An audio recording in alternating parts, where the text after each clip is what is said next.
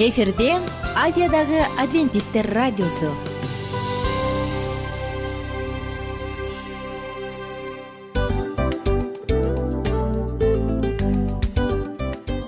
Достор салют. Баардык сүйүктүү угармандарыбызга салам айтабыз. Кутман күнүңүздөр менен. Ден соолук өмүрдүн булагы демекчи саламат саамы программасында баарыңыздарды көргөнүбүзгө абдан кубанычтабыз. Анда алгач амандашып өтөлү арбаңыздар деп. Ден соолугуңуздар кандай элибизде көбүнчө ден соолук кандай дегенде эле жакшы деп жооп беребиз э ооруп турсак дагы жакшы дейбиз. Анан мен муну айтып ойлойт элем бул абдан сонун сөз депчи анткени бул жакшы деген үмүт да ооба баары жакшы болот. Баары сонун. Деп үмүттөнүп атып эле өзүбүздү өзүбүз дарылап коебуз. Анысы кандай? Сиздин дагы ден соолугуңуз жакшы беш деген үмүттөбүз чындыгында ден соолук бул өмүрдүн булагы деп бекеринен айтылган эмес деп ойлойм. Кыргыз элинде анткени эгерде ден соолук жок болсо анда адамдын жашоосунда калган баардык керектүү маңыздуу нерселер өзүнүн баалуулугун жоготуп коет. Ошондуктан ден соолук бул эң керектүү нерсе. Ооба туура айтасың кесиптешим. Чынында ден соолугуң жок бир эки үч күн ооруп калсаң эле э кандай болуп калат? Жашоодо көз каранды болуп каласың көп нерсеге жетишпей каласың көп нерсени кыла албай каласың жада калса эшикке дүкөнгө да чыга албай каласың. Туптуура анан ден соолук болсо демек биз биздин бактыбыз тотой деп койсок болот. Анда достор саламат саамы рубрикабызды баштайлы. Алдыда өзүңүзгө керектүү болгон сонун кеңештерди уга аласыздар. Мына ошондуктан биз менен бирге болуңуздар. Ал эми биз болсо милан жана айнура. Кеттик алга. Алга саламат саама ден соолуктун жарчысы. Саламат саама ден соолуктун ачкычы. Күн сайын сиз үчүн мыкты кеңештер сонун жаңылыктар кызыктуу фактылар биздин рубрикада.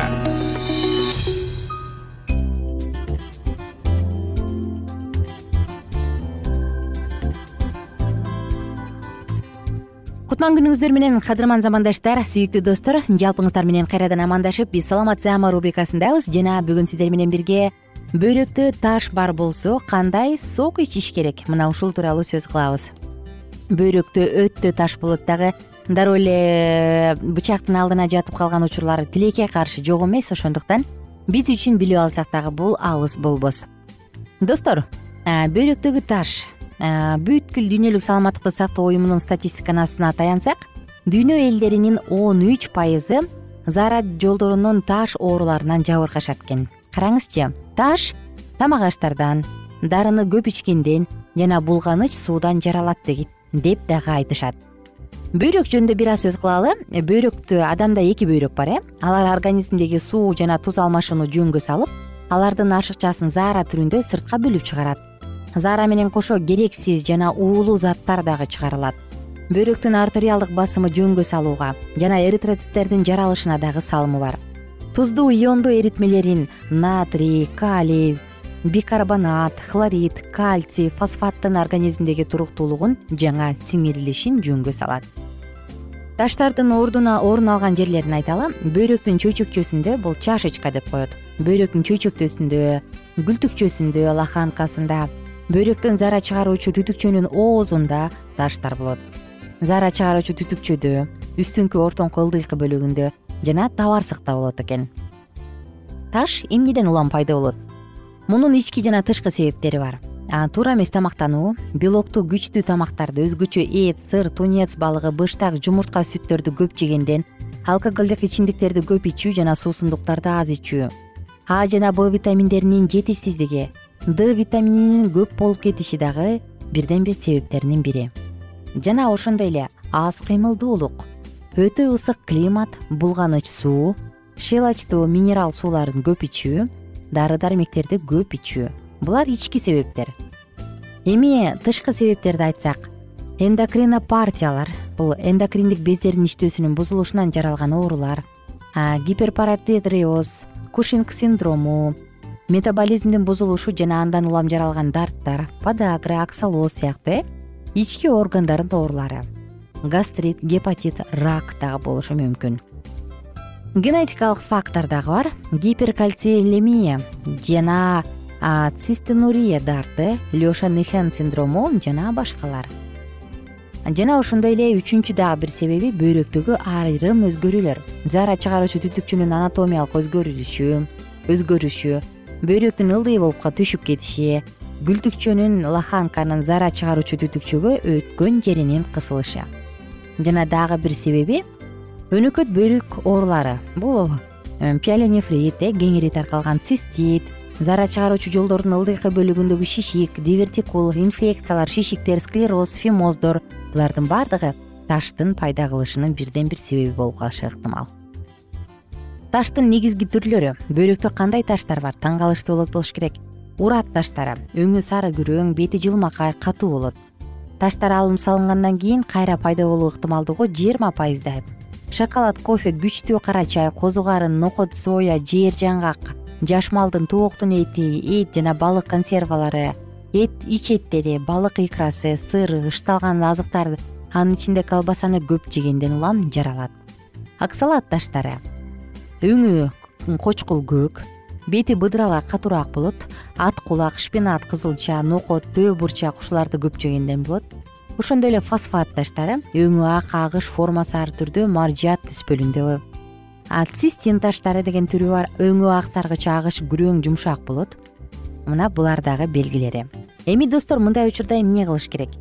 Баарыбызга маалым болгондой цитрус өсүмдүктөрү лимондук анда кычкылдыгы бар болгондуктан жана анын курамында туздар бар болгондуктан алар ушул бөйрөктө таштын пайда болушун алдын алат дешет.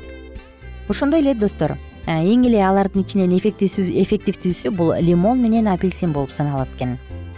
Америка кошмо штаттарындагы техас университети медициналык университети изилдеп отуруп цитрус өсүмдүктөрүнөн тышкары кадимки эле коон дагы ташты эрите алат деген мыкты сонун жыйынтыкка келишкен. Эми ошол жөнүндө сөз кылсак анда эгер бөйрөктө таш бар болсо кандай сок ичиш керек? Жазып алсаңыз дагы болот. Ингредиенттер.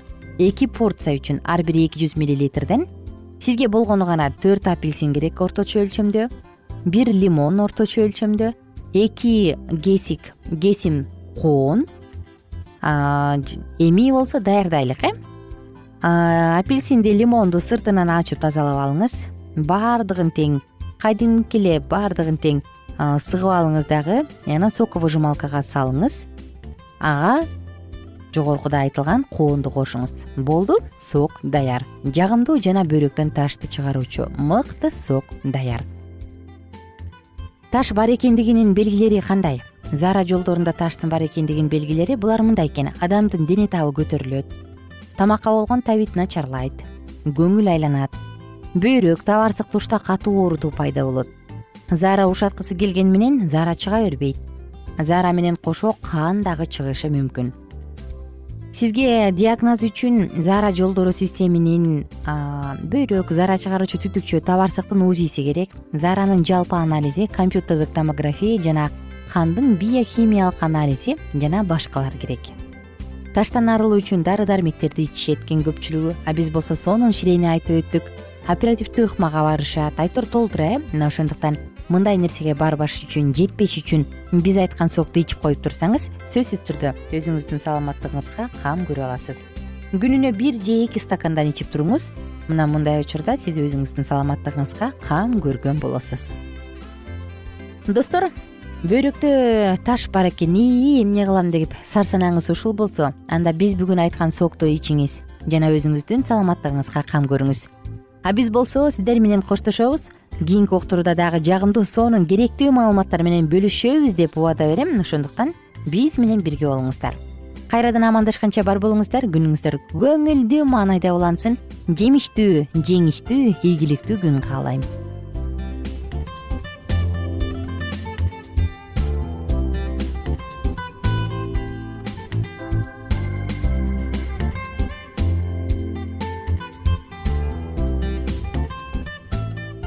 кененирээк маалыматтар үчүн үч w чекит саламат чекит клуб сайтына келип таанышыңыздар.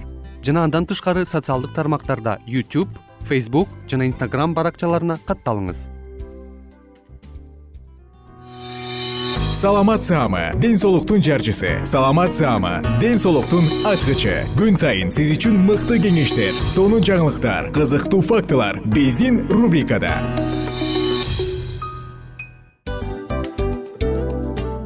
салам достор.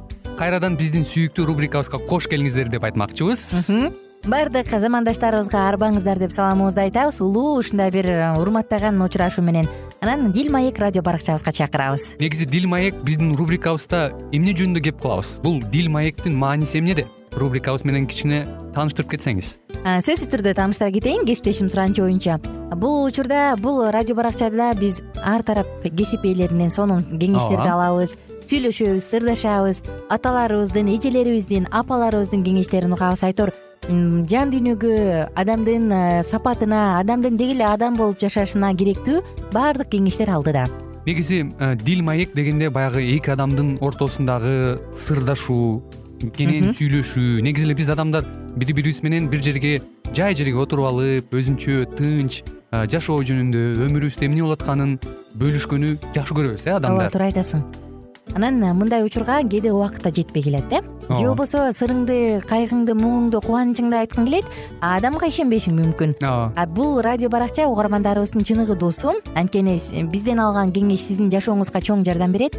Ал эми сиздин бизге айта турган сөзүңүз ортодо гана сыр бойдон калат. Ошондуктан биздин дил маек рубрикабызга дагы бир жолу кош келиңиздер. Жана биз даярдаган маалыматтарга даяр болуңуздар.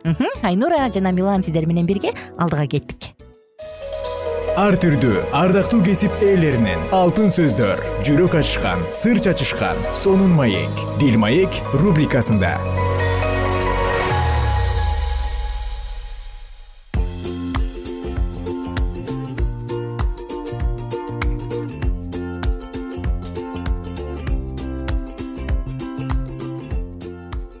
салам достор. Жалпы биздин сүйүктүү угармандарыбызга кайрадан ысык салам айтабыз дагы. Жаназык уктуруусун баштадык. Достор бүгүн сиздер менен бирге шебалык падыша аял жөнүндө сөз кылабыз. Шебалык падыша аял.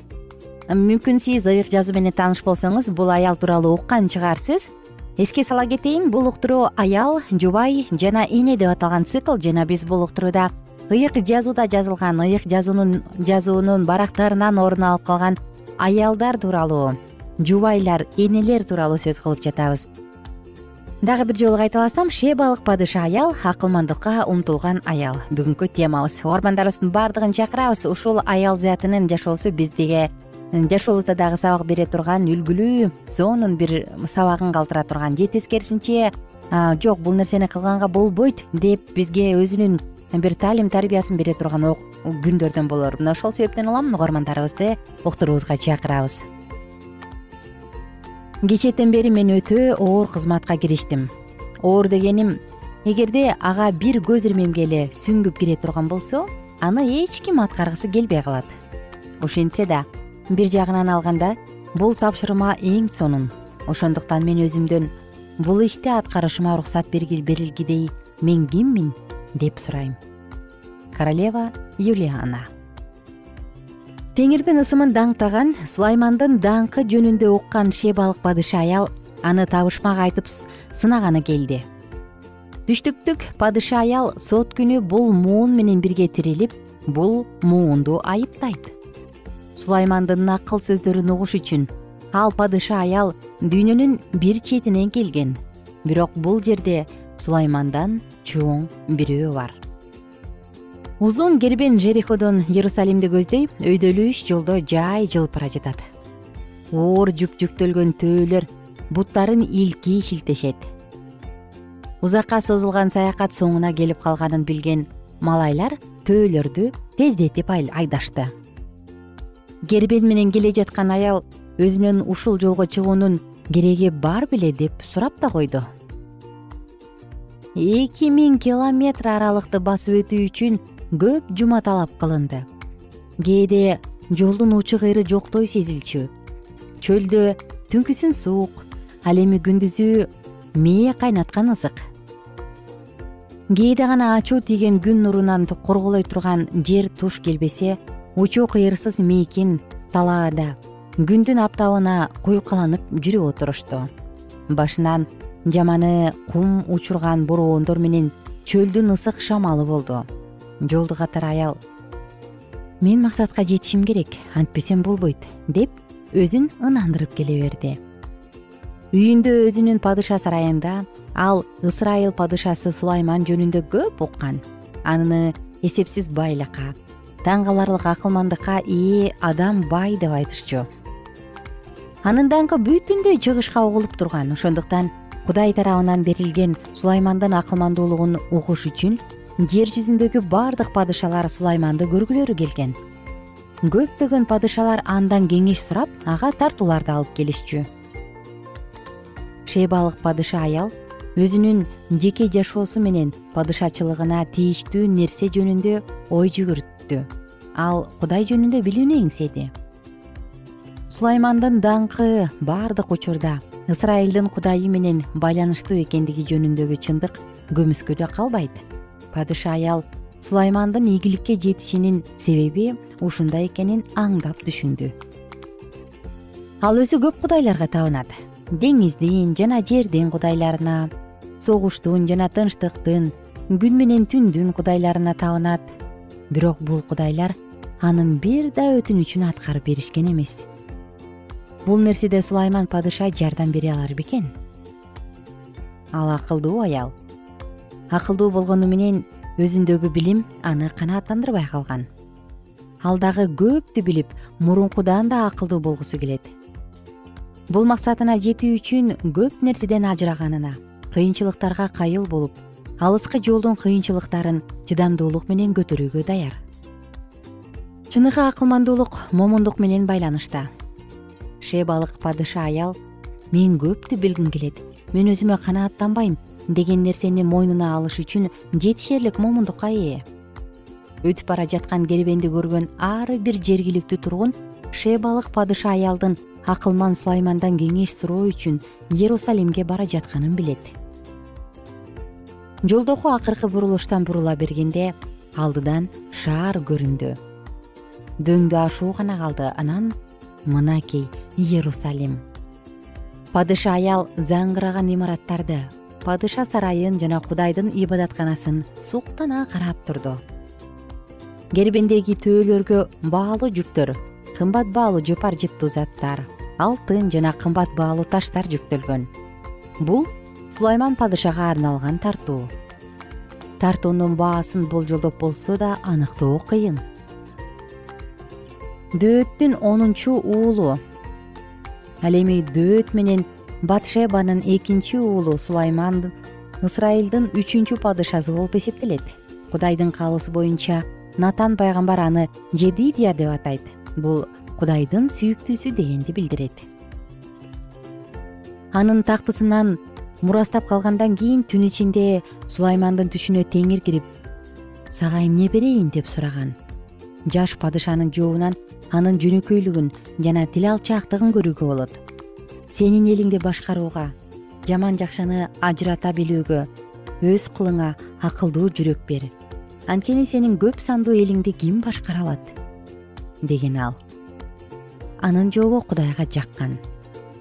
Падыша караңыздарчы сулайман падышанын пайгамбардын акылдуу сөздөрүн угуш үчүн эки миң километр жерди төөнүн үстүндө мүнүп келип анын акылдуу сөздөрүн угуш үчүн шебалык падыша аял келатат достор уктуруубузду кийинкиде улантабыз. Уктуруу эмне болот андан ары? Ар бир угарманыбызды уктуруубузга чакырабыз кийинкиде бирге сиздер менен чогуу тыңдайбыз.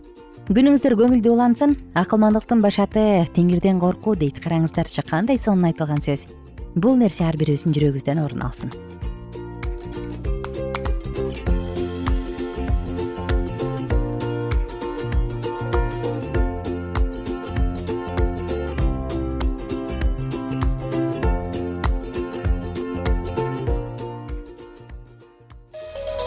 ар түрдүү ардактуу кесип ээлеринен. Алтын сөздөр жүрөк ачышкан сыр чачышкан сонун маек. Дил маек рубрикасында.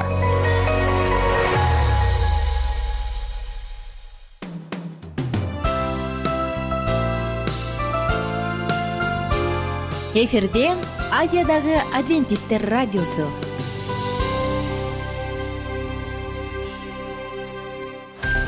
жан дүйнөңдү байыткан жүрөгүңдү азыктанткан жашооңо маңыз тартуулаган жан азык рубрикасы.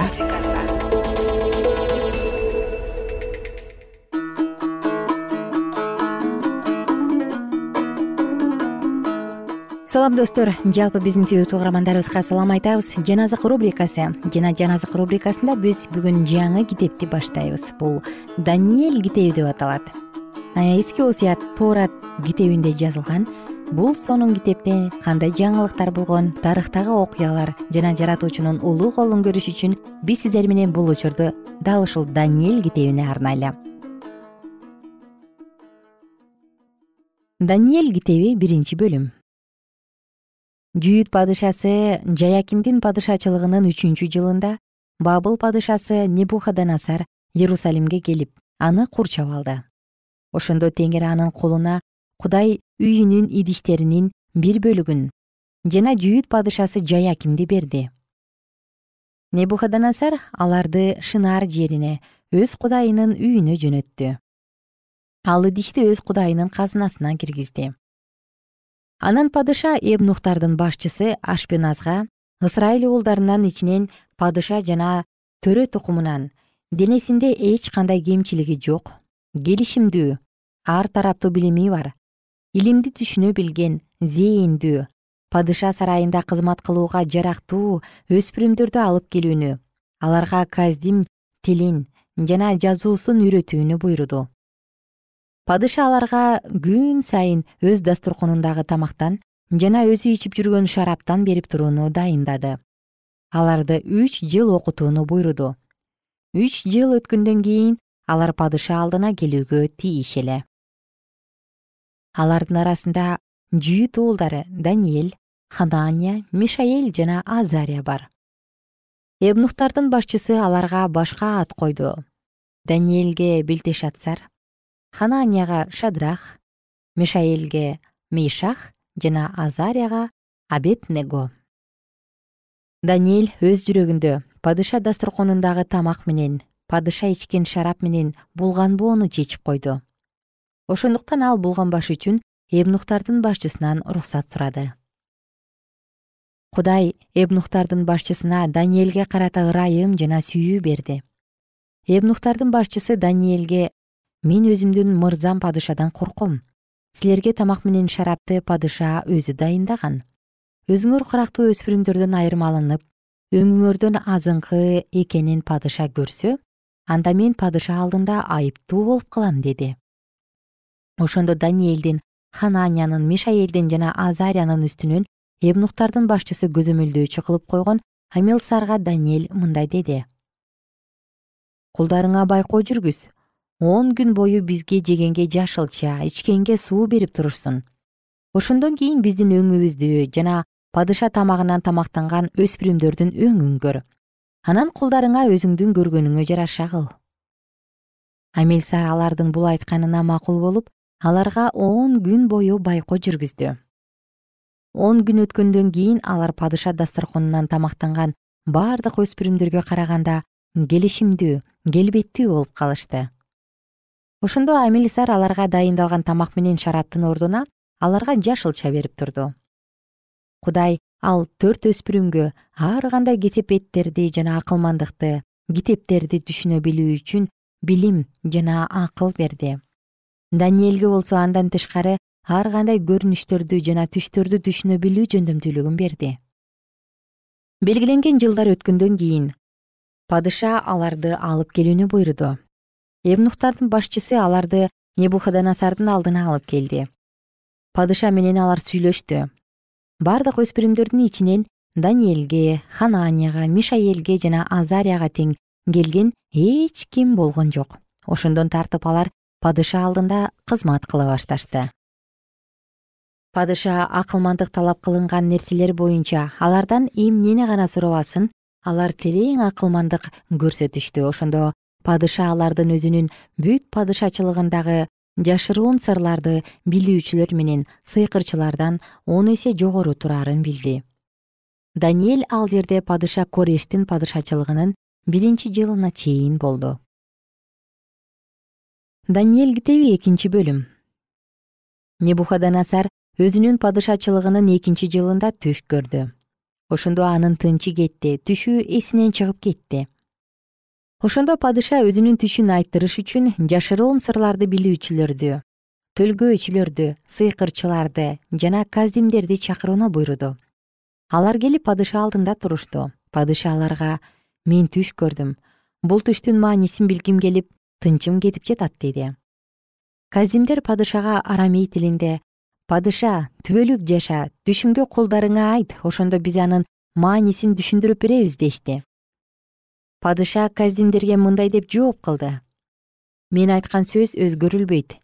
Эгерде силер мага түштү жана анын маанисин айтып бербесеңер анда силерди бөлө чаап үйүңөрдү урандыга айландырышат эгерде түштү жана анын маанисин айтып берсеңер анда менден белек жана сыйлык аласыңар силерге чоң сый көрсөтүлөт. Ошондуктан мага түштү жана анын маанисин айтып бергиле.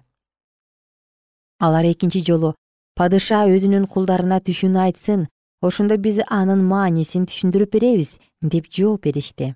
Ошондо падыша аларга менин сөзүмдүн өзгөрүлбөстүгүн билгендиктен убакытты уткуңар келип жатканын билип эле турам мага түштү айтпай жатканыңардын себеби бир жаман оюңар бар.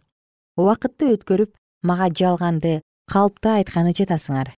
Түшүмдү айтып бергиле ошондо мен силердин анын маанисин да айтып бере аларыңарды билем деди. Казимдер падышага мындай деп жооп беришти. Бул ишти падышага ачып бере ала турган адам жер жүзүндө жок ошондуктан улуу жана кудуреттүү болгон бир да падыша буга окшогон ишти бир да жашыруун сырларды билүүчүдөн бир да сыйкырчыдан бир да төлгөчүдөн жана бир да казимден талап кылган эмес. Падыша талап кылып жаткан бул иш ушунчалык кыйын болгондуктан аны падышага адамдар менен жашабаган кудайлардан башка эч ким ачып бере албайт.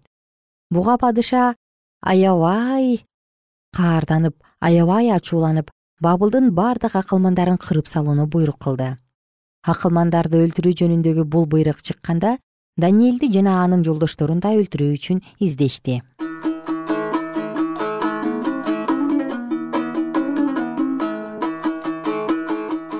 Ардактуу достор биз уктуруубузду окуяны андан ары эмне болгондугун кийинки уктуруубузда улантабыз. Жалпыңыздар менен амандашканча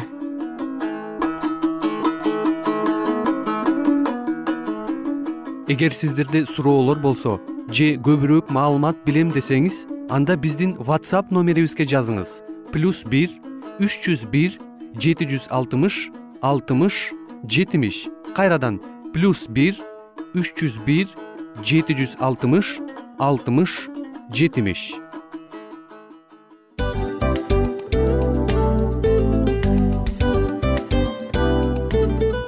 мына ушинтип убакыт дагы тез өтүп кетет экен биз дагы радио уктуруубуздун аягына келип жеттик. Келип кубандырдыңар эми кетип кубандыргыла деп тамашалап калышат эмеспи анысы кандай? Радио баракчабызды программабызды азыр эле баштап аткандай болдук элек мына соңуна келдик э? Негизи убакыт э, билинбей өтүп кетет экен? Мен дагы э, убакыт дегенде бүгүн бир адам менен сүйлөшүп калдым. Анан убакыт бул мүмкүнчүлүк деп айтып өзүмө өзүм айтып алып анан мага өзүмө эле кайра ачылыш болду да чын эле Э, карап отурсаң ошол эле жыйырма төрт саат ошол эле жарым саат кайталанып атат. Бирок сендеги мүмкүнчүлүк жок ошол кой берилип кетти. Анысы кандай? Бүгүнкү сонун убактыңызды алтындай болгон жарым саатыңызды бизге бөлүп арнаганыңыз үчүн ыраазычылык айтабыз. Анан жашооңуздун кайсы бир сферасын өзгөртө турган сонун пайдалуу кеңеш алган болсоңуз анда биз максатыбызга жеттик. Анан ушул нерсени кылбасам десеңиз ошол өзгөрүүлөрдү кичинекей кадамдардан баштап иш жүзүнө ашырыңыз дагы жашооңузда чоң чоң ийгиликтерге жетиңиздер чын жүрөктөн ар бир берилген кеңештер сөздөр сиздерге пайдасын алып келет деп ишенебиз. Жана кийинки уктурууларда сөзсүз түрдө чыдамсыздык менен сиздерди күтөбүз. Сагынычтуу салам айтып кайрадан дал ушул жыштыктан баардыгыңыздарды тосуп алганча. Кызматта мен айнура жана кесиптешим милан. Анда кол пул каалайбыз жалпыңыздарга ийгиликтүү күн. Саламатта калыңыздар